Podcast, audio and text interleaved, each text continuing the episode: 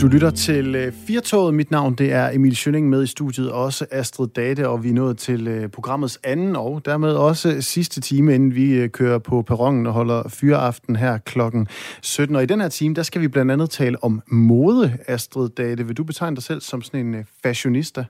Nej, det vil jeg ikke, tror jeg. Men vil du? Betegne dig som fashionista? Nu, jeg går lige ned. Jeg kigger lige. Det er lidt, det er lidt mærkeligt, jeg kigger lige ned under bordet. Så du har jo smart New Balance sko på. Det er nok. Ja, men så alligevel ikke, fordi at hvis du skulle være helt fancy, så skulle du øh, kaste dig over noget, som ellers har været forbeholdt folk, der har øh, jobs, hvor de står meget op. Og jeg taler ikke om sikkerhedssko, selvom det nok også skal blive inde på et tidspunkt. Men utrolig nok, mine damer og herrer, skriv det ned. Det er verdenshistorie, det her. Crocs er blevet smarte. Men det er måske den her med, at det, det også er blevet smart. Lidt ligesom sneakers også, men Crocs er så øh, next level i, øh, i hvad der er praktisk at gøre på. Der har jeg en teori om, at det faktisk bare handler om, at nu skal ting, der at de facto kan, hvis det ikke kan blive mærkeligere, så skal det nok blive smart til sidst. Altså, vi er, øh, vi er kvart i, at øh, den gode gamle DRG-t-shirt øh, kommer øh, tilbage igen. Vi skal tale lidt om, hvordan det dog kan være, at øh, Crocken den er blevet smart, og øh, hvad der ellers er af vanvittige trends derude. Og så, apropos vanvittige, så øh, faldt vi over en øh, ret vild video på øh, redaktionen i dag, og øh, det er nede fra Dubai, der har man sat strøm til skyer. Ja, altså ikke clouden deroppe, hvor du har alle dine øh, billeder fra ferie, så de ikke forsvinder. Nej, nej, nej. Rigtige skyer. Dem der, der ligner vat op over dit hoved. Og det er de gjort for at få det til at regne. Og det lykkedes. Det vil sige, de har styret vejret. Og det lyder jo meget søvsagtigt, så det skal vi lige tale om. Er det en rigtig god idé, det her med, at mennesker skal til at skabe vejr? Og så skal vi også øh, på vandretur i øh, litteraturens verden. Et øh, forsinket øh, vandreprojekt er nemlig øh, begyndt i Ja, og- år. Og hvordan det lige hænger sammen med øh, litteratur, der kan man ikke undgå at tænke, øh, okay. Hvad så? Det bliver vi klogere på Ja, det gør vi. sidst i, øh, sidst i time her af Firtoget. Og øh, jamen, inden vi kommer til det, så øh, apropos litteraturen, nu prøver jeg se, om jeg kan binde hele mødet sammen. Hvis du låner en bog og tager den med ud og går en tur på en vandretur, sætter dig på en bænk og læser den, og så sidder der alt for længe, alt, alt, alt for længe, så afleverer du bogen for sent. Og hvis du afleverer bogen for sent, så får du en bøde. Og lige om lidt, faktisk nu, der skal vi til at tale om automatiske bøder, og hvorfor det måske er et problem. Og inden vi kommer til det, så skal jeg bare lige huske at minde om, at du altid er meget velkommen til at sms'e os, og det gør du ved at sende en besked til 1424, altså 1424, og så skriver du R4 og et mellemrum, og så er altså din besked, så kommer det herind til os, og så øh, kigger vi på dine input. Men nu, så skal der altså dollars på, øh, på programmet. Ja, vi skal nemlig snakke om øh, bøder, som er den mest brugte straf her i Danmark. Og øh, Emil, har du nogensinde fået en bøde? Nu sagde jeg det der med biblioteksbøderne før. Jeg, Jeg jeg tror, det er bare en det afgift. tæller. Det er en Nej, afgift. Det er en jeg afgift. har Og det er også- samme i toget, ikke? Ja, og jeg har også fået... Det jeg har aldrig nogensinde kørt uden... Jeg har aldrig nogensinde fået en afgift for at køre uden, ligesom Bjørn Ries der med, jeg er aldrig blevet taget for doping. Jeg har aldrig fået en afgift for ikke at have billet i offentlig transport, og øh, jeg har i øvrigt heller aldrig fået en fartbøde eller noget for gadeuorden eller sådan noget, så jeg må sige, at min sti er ren.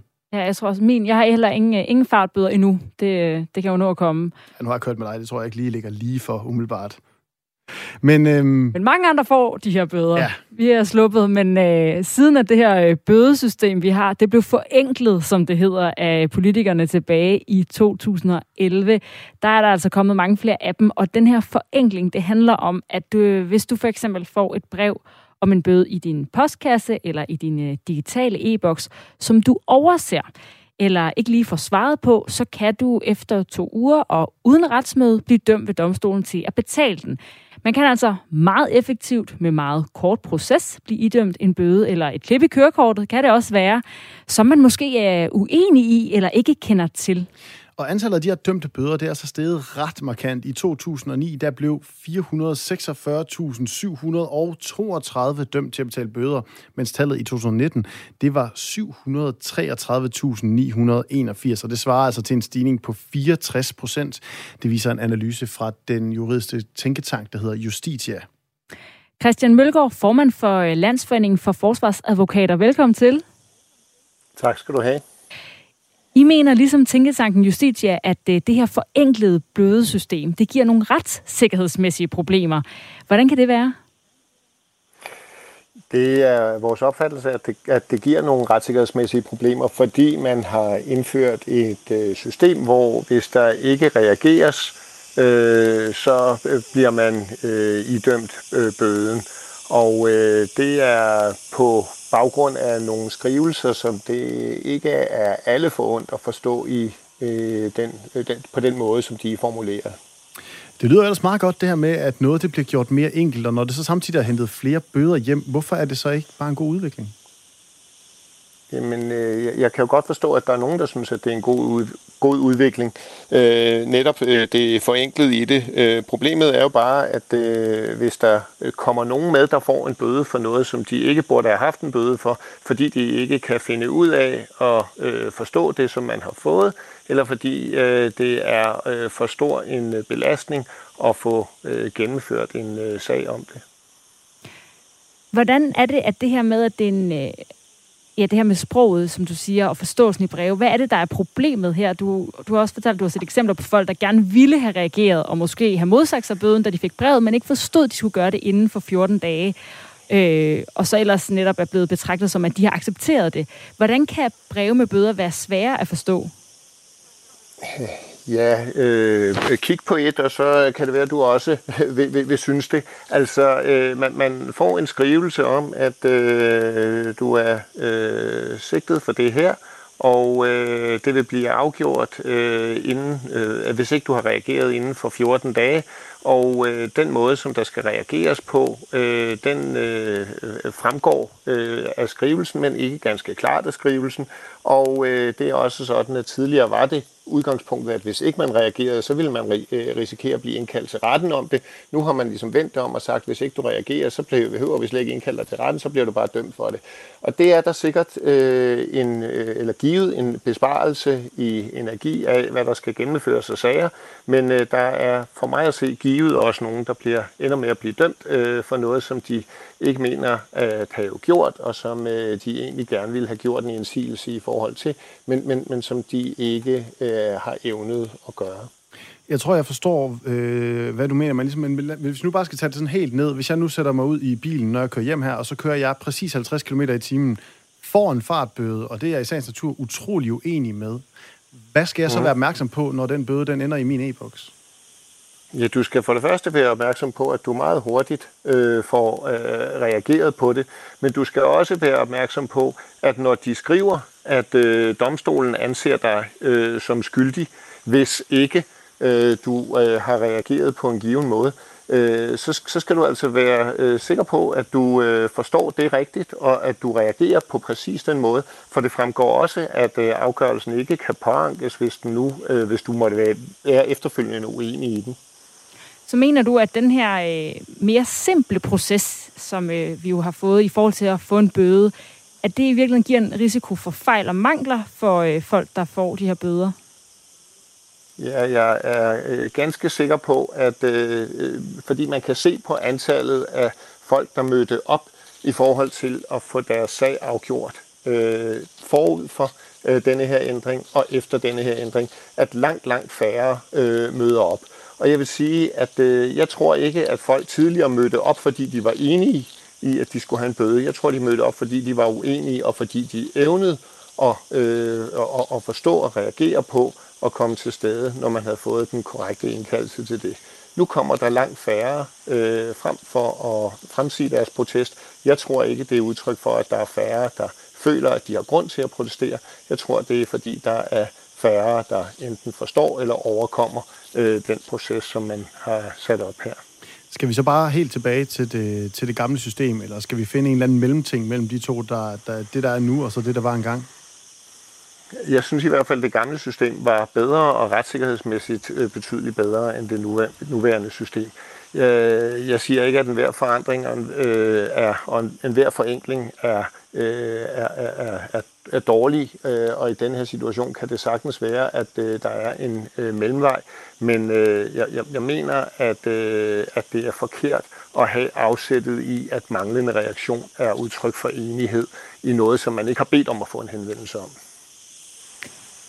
Så det er retsprincippet, eller for lige at øh, runde af i forhold til, hvad er det retssikkerhedsmæssige problem, det er altså princippet om, at, øh, at der kan ske nogle fejl i, i de her bøder, man får, fordi man ikke opdager dem og ikke møder op. Det, du snakker om før, det har jeg faktisk godt også et tal på. Analysen fra Justitia viser, at antallet af udblivelsesdomme, det er steget med 257 procent. Og det er altså det, du ser som, at folk måske overser, at de har fået sådan en bøde. Øhm, men er det det, der ligesom er det retssikkerhedsmæssige problem i det? Jamen, øh, jamen, ja, det er bestemt et retssikkerhedsmæssigt problem, hvis det, at man overser noget, bevirker, at man bliver dømt for noget, som man er uenig i. Og jeg kan ikke sige, om det ville have ført til, at man blev domfældt, hvis man var mødt op og havde fremsat sin protest, men her bliver man simpelthen afskåret fra det, enten fordi man overser det, eller fordi man misforstår det, eller fordi man ikke øh, overkommer øh, det, det øh, der skal sættes øh, op for at reagere imod det her. Tusind tak, Christian Mølgaard, formand for Landsforeningen for Forsvarsadvokater. Selv tak. Og øh, jeg videre for noget, som øh, jeg fik sagt indledningsvis, tror jeg, i den øh, første time, at øh, det kunne give måske en, øh, en modebøde i de gode gamle dage. Modebøde, eller ikke modebøder, mode, det er jo ret øh, flygtigt, altså alt kan efterhånden blive smart, og så øh, tænker jeg, at vi sådan er begyndt at se ret mange gamle ting komme tilbage. I hvert fald nogle gange, så tænker, går jeg og tænker, hov, hov, det var da fedt, da jeg gik i uh, folkeskolen, og der er, ikke, der er ikke noget smartere lige nu end uh, sneakers, som folk havde på i 80'erne og 90'erne. Men en af de ting, jeg ville have svoret på, aldrig nogensinde vil blive sådan ægte smarte, det er den uh, nærmest sådan legendarisk udskilte Crocs-sko. Det er den her uh, sådan næsten træskoagtige sko, men i plastik, og øh, skulle angiveligt, jeg har aldrig haft en croc på, være øh, utrolig populær, øh, eller utrolig rar på, fordi den er utrolig populær hos folk, der står meget op, når du ligger, hvad hedder det, og er i gang med at forordne bisserne ved tandlægen og kigger ned til venstre, så er det tit øh, Crocs, øh, hvad hedder de, de her tandplejeassistenter, de har øh, på. Men det er altså sket. Og kunne du så godt blive lidt varm på at, øh, at få et par Crocs, nu du hører, nu, når, hvis det bliver smart, hvis det får den... Øh, den altså, shine, altså, og så samtidig skulle være så behagelig? Altså, nu er jeg jo øh, en øh, mand, der godt kan lide at, at tage de ting, som nogle andre siger er smarte, og så bare sige, det synes jeg også, og fordi så er livet dejligt nemt. Så hvis, øh, inden vi skal tale med lige om lidt, hun siger, det er altså bare det nye, så kan det godt være, at jeg lige går forbi øh, den nærmeste skobutik på vej hjem, og så finder mig et par, sådan et par neongule crocs. Og det vil jeg i så fald ikke være den eneste, der har gjort, fordi hvis vi kigger på firmaet bag, så er øh, markedsværdien altså kun gået en vej, og det er, du gætter det aldrig, opad. Sidste år, i marts, der var det 1,5 15 milliarder dollars værd.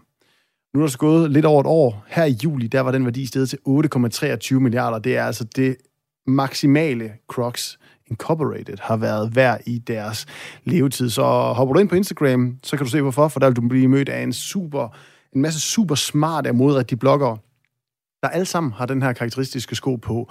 Og hvorfor det er sket, jamen det skal vi tale med øh, skønhedsredaktør på øh, magasinet Costume, Marie Algestrup, om. Og øh, velkommen til Firtoget.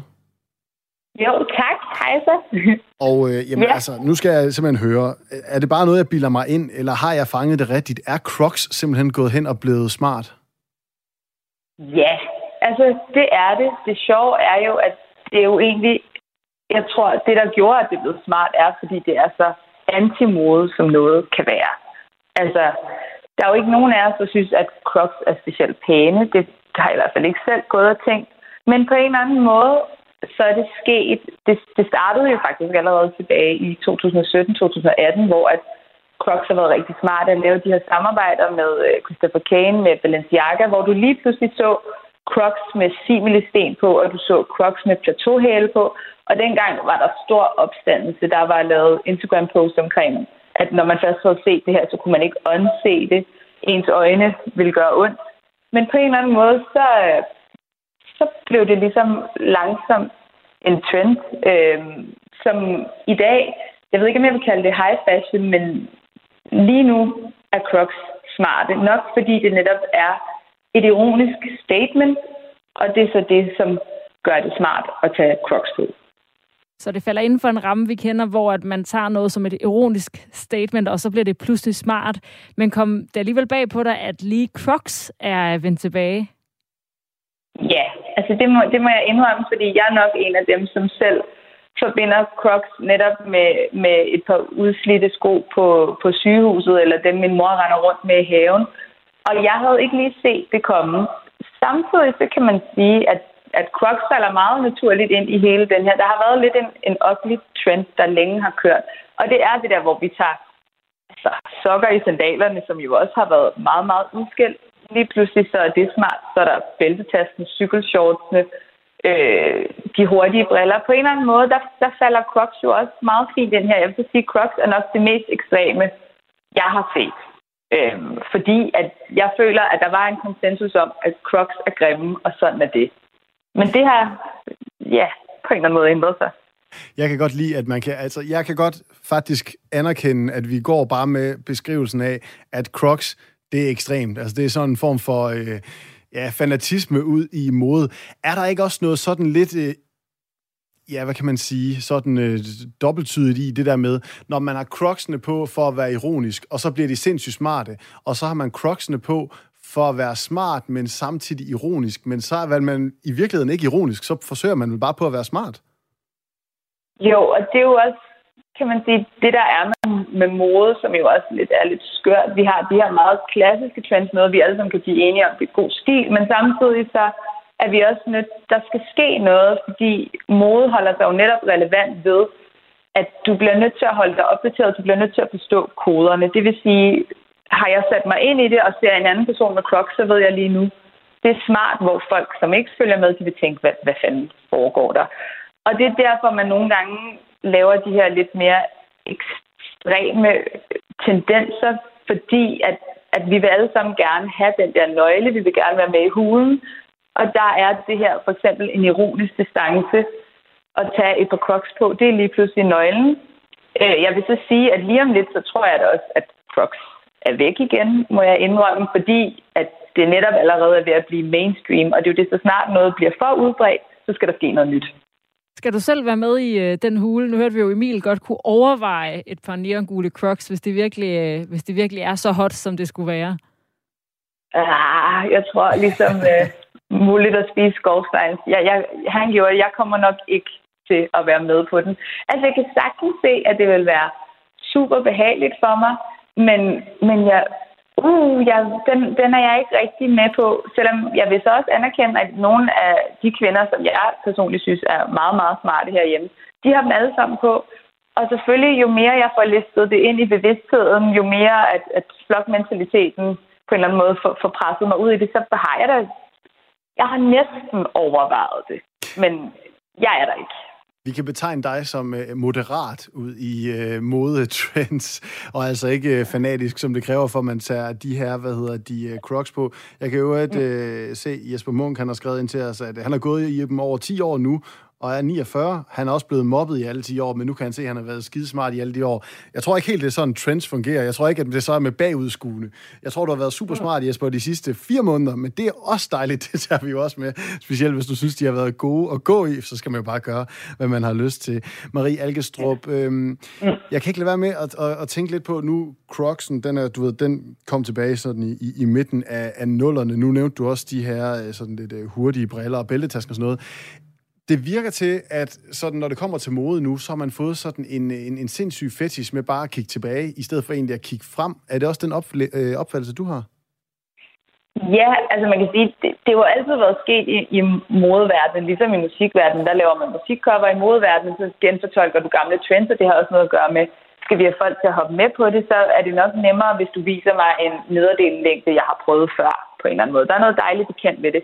Man siger jo så lige nu, at min generation, det vil sige millennials, det er mig fra 1981 til 1996, og så generationen efter, Gen Z, vi skulle være særlig glade for den her nostalgiske trend, og det har vist noget at gøre med, at vi lige så længe vi kan huske nærmest har haft computer og klaptelefoner. Vi har haft en masse information, og dermed også på en eller anden måde følt os mere utrygge. Der har været 9-11, der har været miljø, Øh, der har været rigtig meget, vi skulle bekymre os om, og så er den her nostalgiske trend, det er en eskapisme, og der er så bare rigtig mange af os, der er rigtig glade for at flygte tilbage i slut 90'erne og 0'erne, hvor alting var lidt mere fest og blink, der foregik helt sikkert også rigtig meget dårligt dengang, men på en eller anden måde var der samtidig det her meget overfladiske, den her glæde, og det var det, vi så i modbilledet, og det er det, vi bare er klar til at dykke ned i igen. Altså, når jeg ser en Dolce Gabbana top, så er jeg jo lige tilbage i folkeskolen og med breezer og alt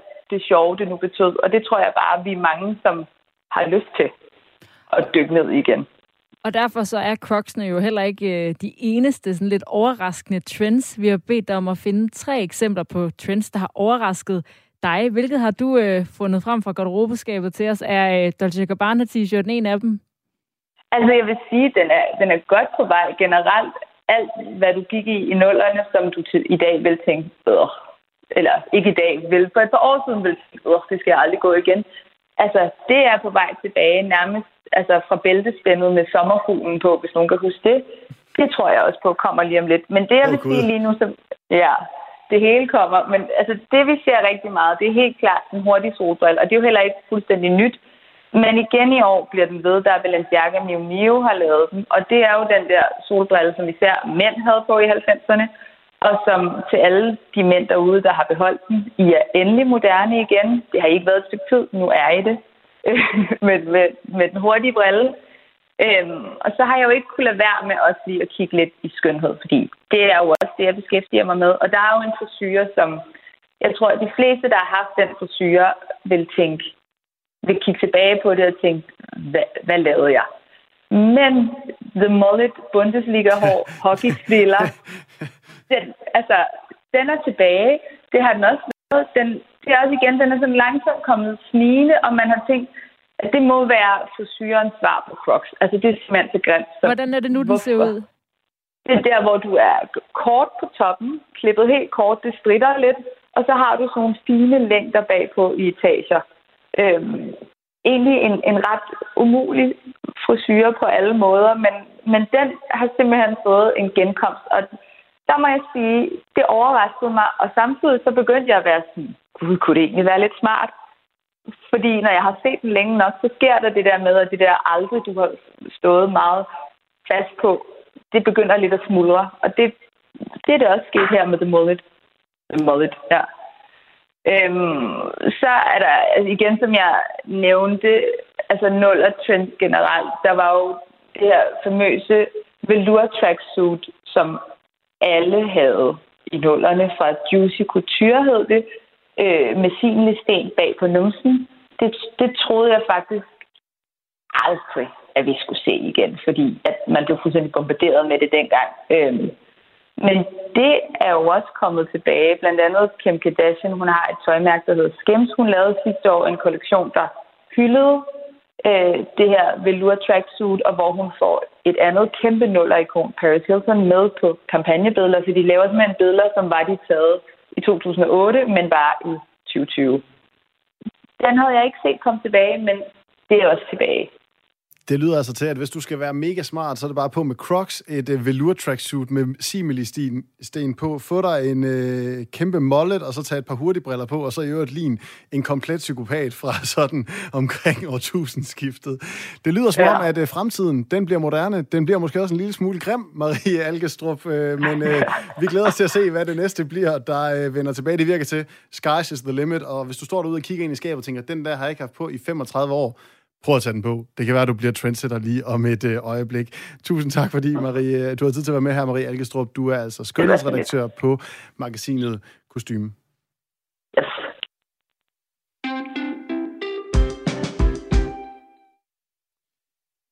Det her, det kunne godt lyde som Danmark. Det regner, det ved jeg ikke, om du kan fornemme. Men det er det ikke, det er Dubai. Ørkenstaten er måske ikke lige det, man forbinder med nedbør og øh, de alligevel lykkes med at redde sig en ret god chat, og det sker altså på trods af temperaturer, der nærmer sig 50 grader. Og det har de jo gjort ved at simpelthen at skaffe deres egen regn ved hjælp af droner, øh, som de har fået til, jeg kan ikke helt teknik i den, flyve op og sikre regn i Dubai. Jeg vil sætte noget strøm til skyerne. Ja. Det virker altså, vildt. Det virker, det virker meget øh, sci-fi-agtigt, og, øh, og næsten for vildt, ikke? Altså den magt, der er i at kunne styre vejret. Og øh, vi har hævet øh, kompetent hjælp ind, fordi som du kan høre, så er der ikke meget øh, sådan regnviden samlet i det her studie, udover at vi kan kigge ud og sige, det der regner. regner. Og øh, så derfor så har vi hævet dig med, Jesper Tejlgaard, metrolog og klimaformidler. Velkommen til. Ja, tak skal du have. Kan du ikke lige hjælpe os lidt her? Altså, hvordan fungerer det, når man vil lave regn selv? Og det kræver jo selvfølgelig, at der er en sky. Altså, øh, man kan ikke gøre det i skyfrit vejr. Øh, når man så har en sky, så består den jo af millioner af bitte, små øh, vanddråber eller iskrystaller. Øh, og det man så gør, det er at øh, enten med et fly eller med en øh, lille raket øh, sende øh, bestemte krystaller op i skyen. Altså krystaller, som øh, typisk er sekskantede, fordi øh, de har den evne, at øh, de der bitte små skydråber, de meget gerne vil sætte sig på sekskantede krystaller. Øh, man har øh, enten øh, øh, altså is, som har den form, eller også noget, der hedder sølvjodid, som øh, også har den form. Og det er jo øh, sådan set bare et spørgsmål om at få de der krystaller op i skyen, og så øh, vokser dråberne jo øh, ved at sætte sig på de her krystaller.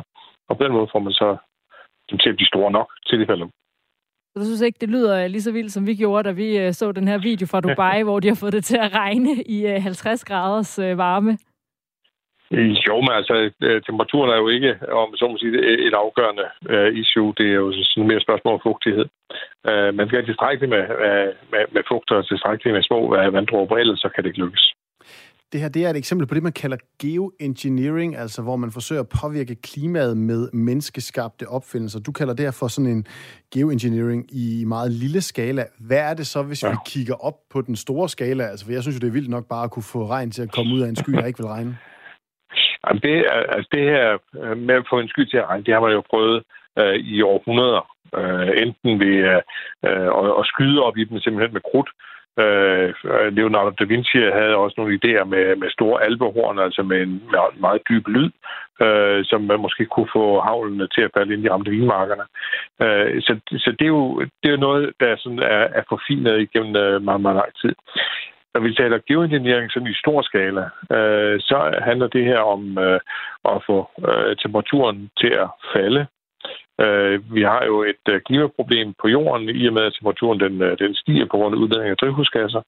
Øh, og det er der så nogle forskere, der mener, at det kan vi nok gøre noget ved. For eksempel hvis vi skyder svovl op i stratosfæren, øh, eller højt op i troposfæren, altså øh, et spørgsmål, hvor højt det skal ligge. Og, og der skal så danne nogle øh, små solsyredråber, øh, som er meget effektive til at reflektere solens lys. Det var noget, man øh, registreret skete faktisk i 50'erne og 60'erne, måske også i 70'erne, hvor vi havde meget øh, svovludledning fra, fra kulkraftværkerne, og øh, når vi brændte olie af, fordi der var det jo meget svovlholdigt. Og så havde vi jo så øh, et problem, der hed syreregn, som gik ud over nåletræerne, specielt øh, i Sverige. Det, det, det, det kunne man tydeligt se. Øh, men samtidig kan man se på dataene, at temperaturen faldt. Og det gjorde den så netop fordi, at øh, de der solsyredråber, de øh, reflekterede solens lys. Det er altså nogen, der synes, at det kan vi bare gøre igen. Øh, men det er jo ikke helt så, øh, så nemt, som man kan vil gøre det til. Så er det sådan noget mere science fiction-agtigt med at sende spejl ud i rummet til at reflektere solens lys. Øh, og alle de her ting er jo sådan en kunstig måde at stabilisere klimaet, eventuelt få temperaturen til at falde. Men uh, det er ikke den rigtige måde at gøre det på. Så man er altså gået fra at øh, skyde med kanoner op i himlen for at få det til at regne, til at bruge nogle lidt mere avancerede øh, svovlsyrdråber og nogle spejle. Hvor langt fremme ja. kan man øh, sige, at vi er i udviklingen af de her teknologier? Jamen, altså, der er jo nogen, der mener, at øh, det øh, øh, kunne vi, om ikke gøre i morgen, så i hvert fald øh, det der med, med, med svovl, det kunne i princippet ikke være ret langt væk. Men der er jo store problemer forbundet med det. Øh, for det første, øh, hvem skal styre de der tårkanoner? Øh, hvem skal bestemme, hvor de skal skydes op hen? Hvordan vil svovlen spredes hen over kloden, og hvordan vil de her svovlsyredråber så i øvrigt også brede sig? Øh, der er jo, det, der er jo nogen, der godt kan øh, få en øh, benefit ud af, at temperaturen stiger. Øh, der er nogen, som gerne vil have det, øh, og der, hvor at temperaturen så eventuelt måtte falde. Det er måske ikke lige der, man vil have den til at falde. Altså, hvordan styrer man det her? Det er meget, meget, meget svært. Øh, og samtidig så er det jo øh, også geopolitisk et, øh, altså et brandvarmt emne for øh, at sige det mildt. Øh, fordi det der med at komme til at styre klimaet, altså det er, er der jo enormt potentiale i, hvis man vil have magten. Øh, så så jeg, jeg bryder mig bestemt ikke om det. Jeg synes, det er en enormt farlig vej at gå. Ja, og, og hvis jeg så skulle tage, tage ligesom den, den modsatte kasket på, så kan man sige, okay, men det er jo en farlig vej at gå. Hvis vi ikke løser klimaudfordrene, øh, altså global opvarmning, så er det jo også en ultra farlig vej at gå. Altså, hvad er problemet? Altså, står vi ikke over for sådan, når det kan blive pest, eller det kan blive kolera, og så må vi ligesom bare vælge, når vi ved, at global opvarmning, mm. det bliver noget skidt. Det ved vi faktuelt. Så må vi tage chancen. det er rigtigt. Ja, men altså, vi har jo andre løsninger. Altså, øh, vi skal jo ikke give os kast med en løsning, som øh, destabiliserer verden. Vi skal have stabiliseret verden. Øh, og geoengineering på den måde, der den vil destabilisere verden, det er jeg ikke et sekund i tvivl om. Øh, vi har jo løsninger. Vi skal jo sådan set bare omlægge. Altså, den grønne omstilling er, er jo det, der skal løse det for os. Vi skal have afviklet alle de fossile brændsler, og det kan vi godt. Og vi har sådan set også muligheder for at øh, få tilstrækkeligt med strøm øh, på anden vis. Øh, vi har nogle udfordringer sådan i forhold til at få øh, det ud på nettet og få det stabiliseret der, og, og vi skal også opfunde en måde at gemme strøm på. Men inden vi nogensinde får afviklet alle kulkraftværker og, og, og olie osv., så, øh, så går der jo også en øh, 20-30 år formodentlig. Og inden da, der har vi som nok også løst, øh, øh løst det der med at gemme strømmen og gemme energien. Så øh, lad os nu kaste kræfterne samlet ind i, i nogle gode løsninger. Og det, der giver en det er altså under ingen omstændighed en god løsning. Og er der sådan en konsensus om det? Nu siger du, at øh, det her geoengineering, det er en farlig vej at gå, og i stedet for, så skulle man øh, bare skrue ned for forurening for at undgå global opvarmning. Men, men hvad, hvad tænker du om det her geoengineering i, altså i fremtiden? Tror du, vi kommer til at se mere af det alligevel? Altså, jeg frygter det jo. Øh, fordi øh, øh altså, der nogen har sat sig det i hovedet, øh, så risikerer vi jo, at, øh, at nogle skrupelløse folk, de øh, begynder på det. Øh, vi kan jo ikke forhindre, øh, at der er nogen i øh, et eller andet land, som er begynder at sende øh, svogl op i stratosfæren øh, og, og begynder at lege med, knive, med, med klimaet. Men øh, hold da op, altså, hvor, hvor, hvor er det øh, en, øh, hvor er det usikkert. Altså, da man uh, lavede atomprøvesprængninger, uh, der vidste man jo i og for sig heller ikke, hvilken konsekvens det ville have. Altså, man havde nogle tanker, men man vidste jo ikke, uh, om uh, strålingen den uh, bare ville forsvinde, eller om uh, uh, man på den måde faktisk ville uh, få en verdensdel til at, uh, at forsvinde. Uh, så mennesker har jo gjort nogle mærkelige ting, uh, bare fordi man kan. Bare lige her til sidst, Jesper Tejlgaard, nu prøver jeg ligesom, jeg kan vente dig bare lige lidt over på, på, på, på mit hold. Nu, nu, nu kørte vi på den, den helt store, øh, altså de, de, de store geoengineering, det er farligt, det, det, det, har jeg, det har jeg forstået. Nu, det der med at få det til at regne, altså sådan på små skala. Hvis vi nu for eksempel, tænkt eksempel, har et land, hvor at, øh, mens alle mennesker har sommerferie, der regner det hele tiden. Hvis vi så bare kunne finde en eller anden mark et eller andet sted i Jylland, hvor der ikke rigtig kommer nogen mennesker, og så bare få det til at regne helt vildt der, og så kan vi andre hygge os ude på stranden. Kan vi mødes på midten der og sige, okay, den del kan vi godt tillade? Ja, men der er jo et juridisk spørgsmål. Hvem ejer det vand, der er i skyen?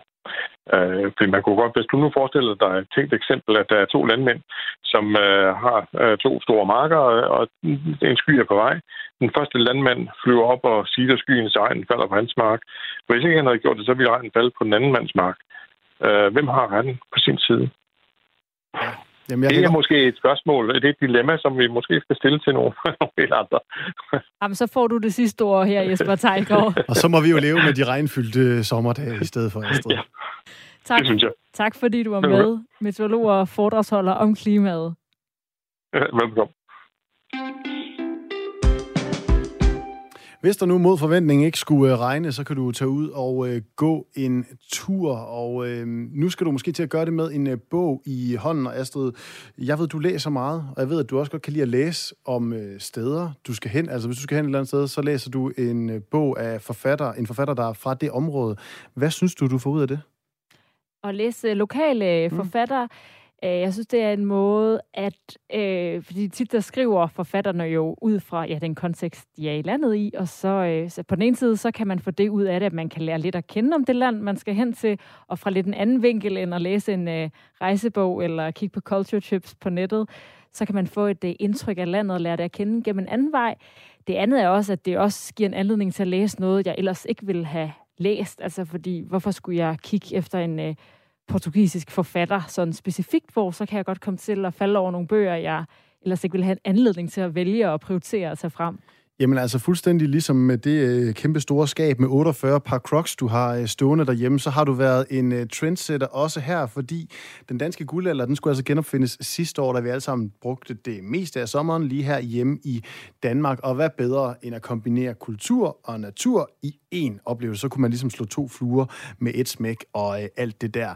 Svaret, det var digterruter, og det er altså en række vandreruter i Danmark, hvor man groft sagt kan følge i øh, berømte digter og forfatteres fodspor. Johannes V. Jensen, Jeppe Aukær, Martin Andersen Næksø. Det er en række af de forfattere, som har fået en digterrute, digterrute opkaldt efter sig. Oprindeligt så skulle de her ruter altså være taget i brug allerede sommer sidste år, men på grund af ro, øh, corona så måtte det blive udskudt til i år. Og så kan vi sige velkommen til dig, Johannes Nørgaard Fransen. Tak skal du have. Du er professor emeritus ved H.C. Andersen Centret ved Syddansk Universitet, og mand, der fik ideen til at lave de her øh, digterruter, som det hedder. Ja. Og man kan jo starte med at sige, at det var meningen, det skulle komme sidste år.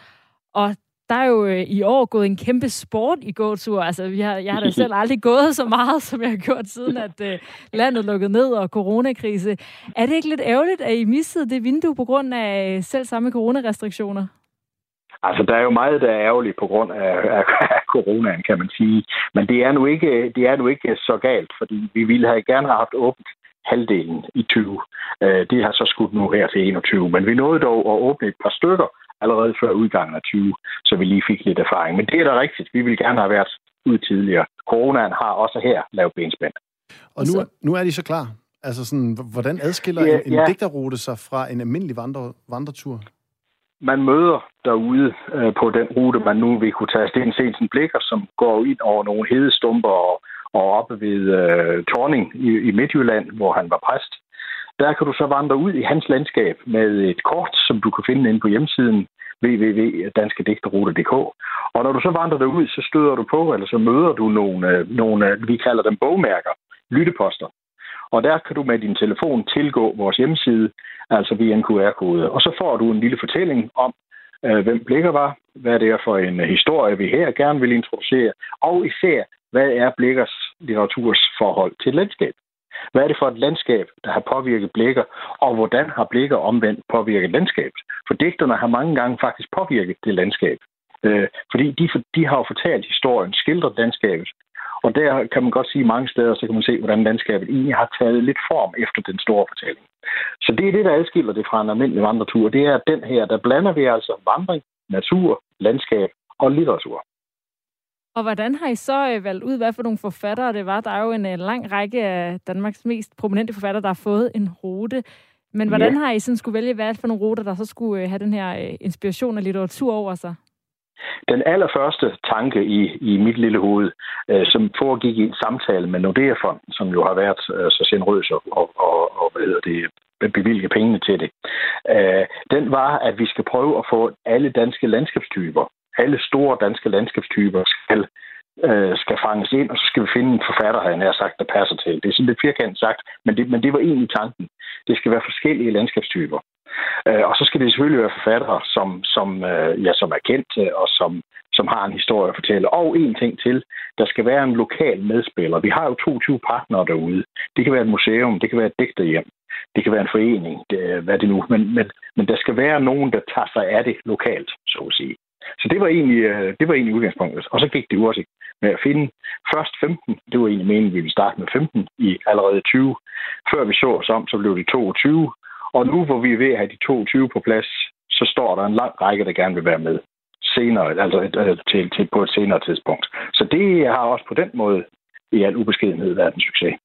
Ja, så jeg håber, at øh, der lige pludselig bare kommer til at være mange flere af de her digterruter rundt omkring. Altså, hvad er egentlig i forhold til dem, der nu er lavet nu, og dem, som I har på tegnebrættet, hvad er succeskriteriet i forhold til det her? Altså, hvad er det, I håber, folk får ud af det? Vi vil gerne have, at øh, folk får et, øh, et lidt skarpere blik for litteraturen. Det er egentlig mit hovedsigte. Og samtidig ser, hvad, hvordan samspillet er mellem landskab, skråstreg, natur og dækning. For der er et samspil, som er utrolig vigtigt. Der er ingen danske digtere, vil jeg påstå, der ikke skriver i forhold til et landskab eller et byskab. Jeg har for eksempel Tove Ditlevsen med, så det er jo by, det er jo Vesterbro. Men altså et, et landskab og litteratur taler til hinanden. Og det er det, vi gerne vil gøre opmærksom på.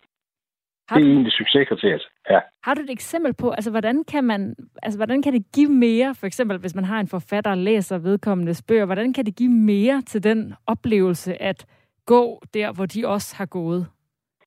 Altså hvis du vandrer på, nu tager jeg lige blikker igen, ud på Kompedal Plantage, hvor, hvor en del af ruten er, uh, så, så, så møder du faktisk lyng, du møder, møder faktisk planter, du møder faktisk et landskab, som sådan set ser ud præcis som på Blikkers tid.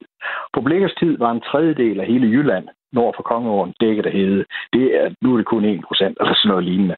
Men her, er, her har du et eksempel på, at du faktisk har en fornemmelse af, at her står du midt i verden, midt i en hede, som engang strakte sig over en tredjedel af Jylland. Det er sådan, det er sådan, og, og det får du via Blikkers ord, via Blikkers fortælling, via, via Blikkers dækning, så træder du altså ind i historien på den der måde. Du får simpelthen en fornemmelse af at stå der på Blikkers tid. Det er sådan et eksempel. Et andet eksempel, det er Jeppe Aukær, hvor oppe i Jenle på Salling.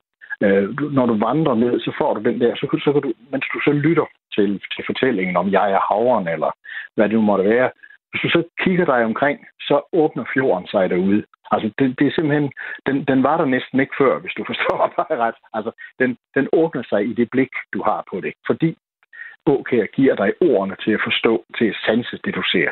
Jeg vil gerne skærpe sansningen. Sansningen på litteratur, sansningen på, på landskab, og vise, hvad det er, digtere kan. Digtere kan noget. De kan nemlig åbne det landskab, som du egentlig bare synes er et landskab. Pludselig så åbner det sig og bliver meget mere. Så det er det der meget mere, vi gerne vil have. For mig er der også lidt, øh, hvis man nu skulle tage en poppet approach til det her, lidt det location scouting over det. Lidt ligesom hvis man øh, besøger øh, caféen i Tokyo, hvor Lost in Translation er med, eller man tager til New York og ser den øh, lejlighed, hvor øh, Sex and the City er optaget. Altså, øh, hvem er det? Nu er det så øh, ældre danske kendte forfattere, man kan øh, følge fodsporene af. Hvem er det, der skal besøge de her steder? Ja, for det første vil jeg lige sige, at det er egentlig ikke nødvendigvis fodsporene. Nogle steder er det rigtigt nok, der er det fodsporene. Der er det der, hvor Tove Ditlevsen nu gik, eller Karl Bliksen øh, havde sin have. Men det, men det er mere landskabet. Det er ikke alle steder, det er fodspor. Det, det, det kan lige så godt være landskabet, vi, vi skildrer via den her litteratur. Øh, og hvem er det, der skal det? Ja, vi håber, for det første, så, så er kulturforbrugere i Danmark, det, det er jo plus 65 i høj grad, og det er fint. De, de har, vi har, vi har, har godt af at komme ud af andre, og vi er interesseret, litterært interesserede. Men, det, men der bliver også mange af stederne, er der nogle spørgsmål, nogle temaer, man kan tage op med sine børn. Så vi håber meget, at familien, familien Danmark også kunne tænke sig øh, at gå en tur. Og vi har faktisk allerede erfaring for, at der dukker familier op med, skal vi sige, halvstore børn, der, der går sådan en rute. Vi, vi måler jo på det her. Vi har ikke rigtig gjort det endnu, men vi vil jo måle på det ved klik, via klik på hjemmesiden. Så vi måle, hvor mange man, der tilgår dem. Men allerede nu får vi jo beretninger ud fra stederne, og der er faktisk virkelig mange besøgende. Også familier, børnefamilier. Det er vi stolte over. Jamen altså hermed øh, din anbefaling herfra, Johannes Nørgaard Fransen. Tusind tak, fordi øh, du var med her i dag. Selv mange tak for, at jeg måtte som altså er professor emeritus ved H.C. Andersen Center ved Syddansk Universitet, og mand, der altså fik ideen til de her digterruter, der er 22 af lige nu, hvor man kan komme ud og øh, blive lidt øh, inspireret på samme måde, som mange af for, de gamle danske forfattere måske også har været. I dag, der øh, skete der noget, som øh, jeg tror mange af os sportsinteresserede og øh, sportselskere havde øh, ventet længe på og så længe har vi jo ikke ventet. De olympiske lege, de startede i øh, fredags, og i dag, der fik Danmark sin første medalje ved de øh, olympiske lege i øh, Tokyo. Den danske skidskytte, han øh, hedder Jesper Hansen, han skød sig til øh, en flot sølvmedalje efter en ellers sådan lidt usikker kvalifikation.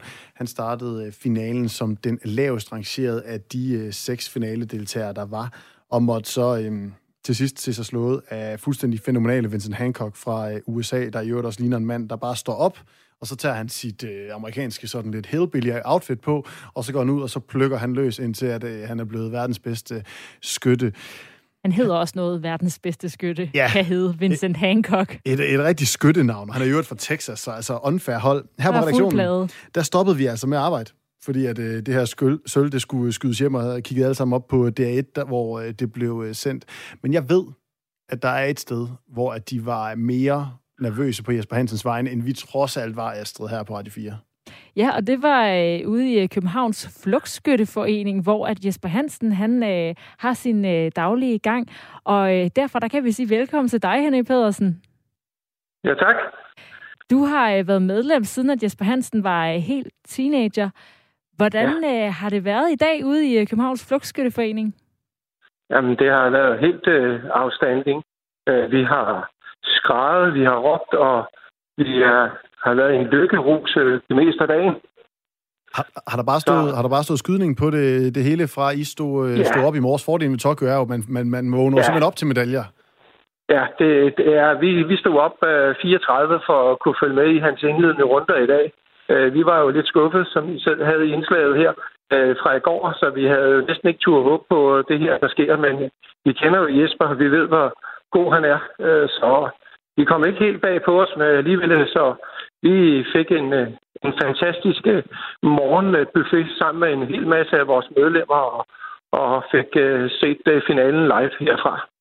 Og øh, nu sagde du selv det her med, altså øh, præstationen i går var måske sådan en, øh, en lille smule svingende. Det er under øh, meget specielle forhold, og det er blevet skudt, og det ved jeg godt, det gælder selvfølgelig øh, dem alle sammen.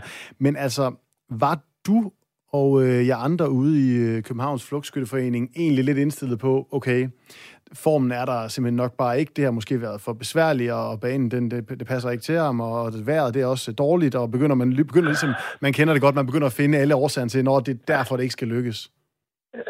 Nej, det, det var vi faktisk ikke. Øh, vi, øh, vi havde altså en stor tiltro til, til Jesper. Vi vidste, at Jesper han er nummer et på verdensranglisten. Vi vidste, at Jesper han var nok i sin livs bedste form. Jeg ved, at til hele hans træningsforløb på de fire dage op til, der havde han tabt en due ud af, af de 175 duer, han har fået lov at skyde efter. Og at øh, jeg har været i dialog med hans landstræner, så øh, vi, vi var, vi var så, så, altså, vi, der var ikke nogen dumme undskyldninger at, at finde frem. Øh, det er et vindfølsom sport, øh, så at, øh, det, der har været lidt blæsvær, og det var der lige et øh, ryste Hansen på, på tre af duerne i, i de indledende øh, runder. Ja, du ved jo selvfølgelig, hvor, øh, hvor dygtig Jesper Hansen er, men hvor stort er ja. det, at der øh, kommer sådan en OL-medalje i en øh, dansk skyttekontekst, øh, der bliver vundet her? Jamen, det er jo kæmpestort. Det, det, Øh, det beviser bare, hvor, hvor vigtigt det er, at vi, øh, vi er i tæt dialog med øh, vores forbund, med Dansk Skytteunion, med en, en landstræner, med en øh, sportschef, øh, og at øh, hele konceptet, det, det, er, det er lagt til rette for flere år siden. Så at, øh, det, er, det er kæmpe stort for os at, øh, at, at få det her ind. Det, det giver jo så en, en kæmpe medie... Øh, øh, bevågenhed, øh, som vi ikke er vant til, øh, fordi vi er sådan en lille idrætsgren. Øh, så sådan, det, det er helt fantastisk. Jeg har set, at uh, Jesper Hansen, han uh, et sted i dag har sagt, at uh, altså, en sølvmedalje ved OL, så kan det ikke blive større. Det kan man sige, det kan det jo faktisk godt lige med et enkelt ja. skridt op. Nu uh, er jeg ikke den uh, store skytteekspert, men det er jo sådan, at når, når der er OL, så er vi alle sammen lige pludselig ekspert i rugby, og vi er ja. ekspert i udspring. Og i dag, der var jeg lige i uh, sådan uh, gode, en god times penge, der var jeg altså også ret stort ekspert i, i, i skidskydning, skulle jeg hilse at sige. Og, og min klare vurdering var, at ham her, Vincent Hancock, som altså vandt sin tredje OL, medalje altså var simpelthen bare umulig at komme i nærheden var af. Er det også opfattelsen hos dig? Altså var sølvet faktisk, hvad kan man sige, guldet for alle de andre end Hancock? Ja, ja det var det. Uh, han tager et uh, guldet for tredje gang. Uh, Vincent Hancock blev allerede verdensmester som 17-årig. Vi har fulgt ham igennem hele hans karriere også. Vi har haft træningslejre med ham i 2012 uh, for hele det amerikanske landshold på, på Amager, inden vi tog til London. Og at uh, vi, vi, vi, vi har jo fulgt ham, og Øh, det, det, det var nok næsten det højst opnåelige. Det var, det var en sølvmedalje. Øh, vi ville alle sammen gerne have haft en guldmedalje. Det, det skal slet ikke lægge skjul på. Men, øh, men øh, øh, han er... Han er øh, professionel derovre. Han er støttet af så mange midler, så vi, vi, vi, vi slet ikke kan forestille os af i forhold til vores danske Øh, altså, hvad, hvad, hvad en dansker får, han, øh, det, der, der, der er slet ikke nogen sammenligning mellem USA og, og Danmark inden for skydning. Og nu siger du, at uh, Jesper Hansen han var i god form op til det her, og uh, man kan sige, ja. når man taler om, om sådan uh, konkurrencesport på højt plan, når du kigger på mange af de andre ting, jamen så ser du uh, folk, for eksempel havde vi skateboarding uh, lidt tidligere i, i nat, der var det en 13-årig, der vandt, det er måske lige uh, ung nok, men ellers så er det jo meget sådan fra, kan vi sige, fra 20 ja. til uh, 30, hvis jeg ikke husker forkert, så er uh, Jesper 40. Altså, hvordan er man i god form som skytte? Jamen altså, det, en ting er jo helt vigtigt, det er jo den fysiske træning. Øh, det, det, skal, det skal holde hjernen klar. Det er mental træning øh, udover, og så at øh, masser af skud igennem øh, med, de, med, de, med de rigtige træningsprincipper. Og at øh, det, øh, det er sådan inden for, for, for skydning, øh, der, der topper man ikke i, i 20'erne, men det gør man, når man kommer i 30'erne eller, eller 40'erne. Øh, Al-Rasidi, han er 57 år, øh, som vi så der med. Så hvis hjernen er med, og viljen den er der, så kan man øh, blive ved rigtig længe i det her. Jamen, så frister jeg jo til at, øh, at spørge, fordi du kender jo øh, Jesper væsentligt bedre end øh, både Astrid og jeg gør, og jeg kan se, at han til DR har sagt i forhold til, der er jo kun tre år til næste olympiske lege, i hvert fald sommerolympiske lege, det er i Paris. Og øh, til dem, altså til DR, der sagde han, selvfølgelig bliver fristet til at gå efter mere det her, det var jo ligesom det, han manglede. Han manglede OL-guldmedaljen, og så er det ligesom kryds af for alle tingene, så har han sådan set vundet alle de slags medaljer, man kunne øh, gå og, øh, og drømme om. Tror du, det er sådan et øjeblik, så øh, nu er jeg lige kommet ned af medaljeskamlen og har en OL-medalje hængende om halsen, eller tror du simpelthen, at vi også skal øh, holde med, med Jesper til OL, når det hele går løs i 2024? Jeg vil i hvert fald krydse mine fingre, og at, så godt som jeg kender Jesper, så kunne jeg godt forestille mig det her med, at der kun er tre år til det, til det kommende OL. Hvis øh, økonomien kan, kan hænge sammen, og øh, landstræner og øh, det er, er på plads, så øh, vil jeg i hvert fald øh, opfordre Jesper til, at, øh, at, at vi, vil, vi vil se ham i 2024 i Frankrig. Men øh, det er jo Jesper, der styrer det og bestemmer det. Jeg kan, jeg kan udmærket godt se det for mig. Jamen altså, øh, Henrik Pedersen, du er formand ude i Københavns Flugtskytteforening. Det er altså her, hvor Jesper, han, øh, Jesper Hansen, dansk sølvmedaljevinder, ja. den første medaljevinder ved OL i Tokyo 2020, som så godt nok er i 2021, har sin daglige gang og plukker duer ja. derude. Jeg håber, I får en øh, fantastisk aften, jeg går ud fra, at I skal øh, feste lidt mere på øh, bagkant af den her sølvmedalje. Så håber jeg, at I tager godt imod Jesper, når han kommer hjem til Danmark igen med tro, lidt mere ja. bagage, end da han øh, tog afsted. Tusind tak, fordi ja. du havde tid til at være med her. Mange tak for, at I, I gad at, øh, at have os med i det. Øh, vi er super stolte af, af det, der foregår. Det super tak. Mange tak. Inden vi uh, slutter helt af i dag, der skal vi lige forbi en omgang satire med specialklassen.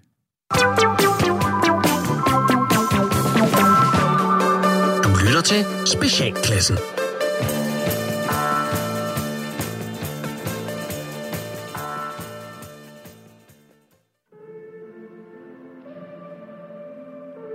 Velkommen til Astrologikus, dit ugentlige kig ind i horoskopernes forunderlige verden – mit navn er Torben Tina Thomasen, og jeg er himmelvejleder, nyere patient og din guide til stjernerne.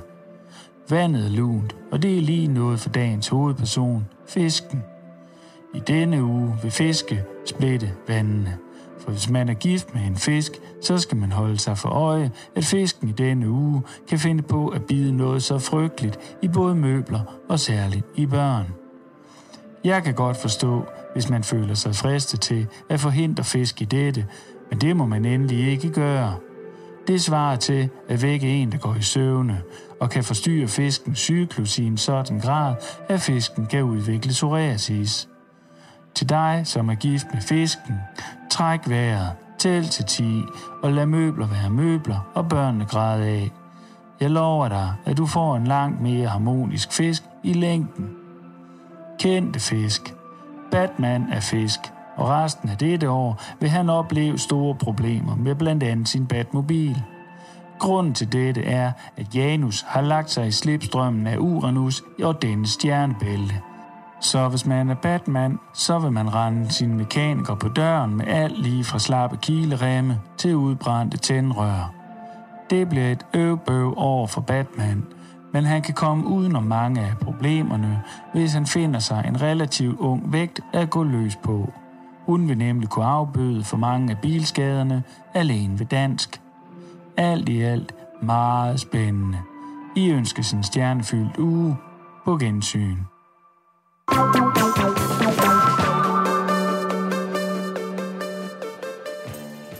Her var der altså øh, dagens satireindslag fra specialklassen. Og det var faktisk i det store hele, det vi nåede for firtoget i dag. Vi har kørt ind på perronen. Undertegnet er Emil Sønning med mig Astrid Date. Og ved du hvad, vi er tilbage igen i morgen med meget mere øh, firtoget, nærmere bestemt to timer, samme tid, samme sted. Lige om lidt her på kanalen, jamen så er der øh, fire på foden, og det er altså med en øh, sprængfyldt omgang højdepunkter, du kan øh, lytte til. Men først så har vi øh, selvfølgelig en omgang nyheder.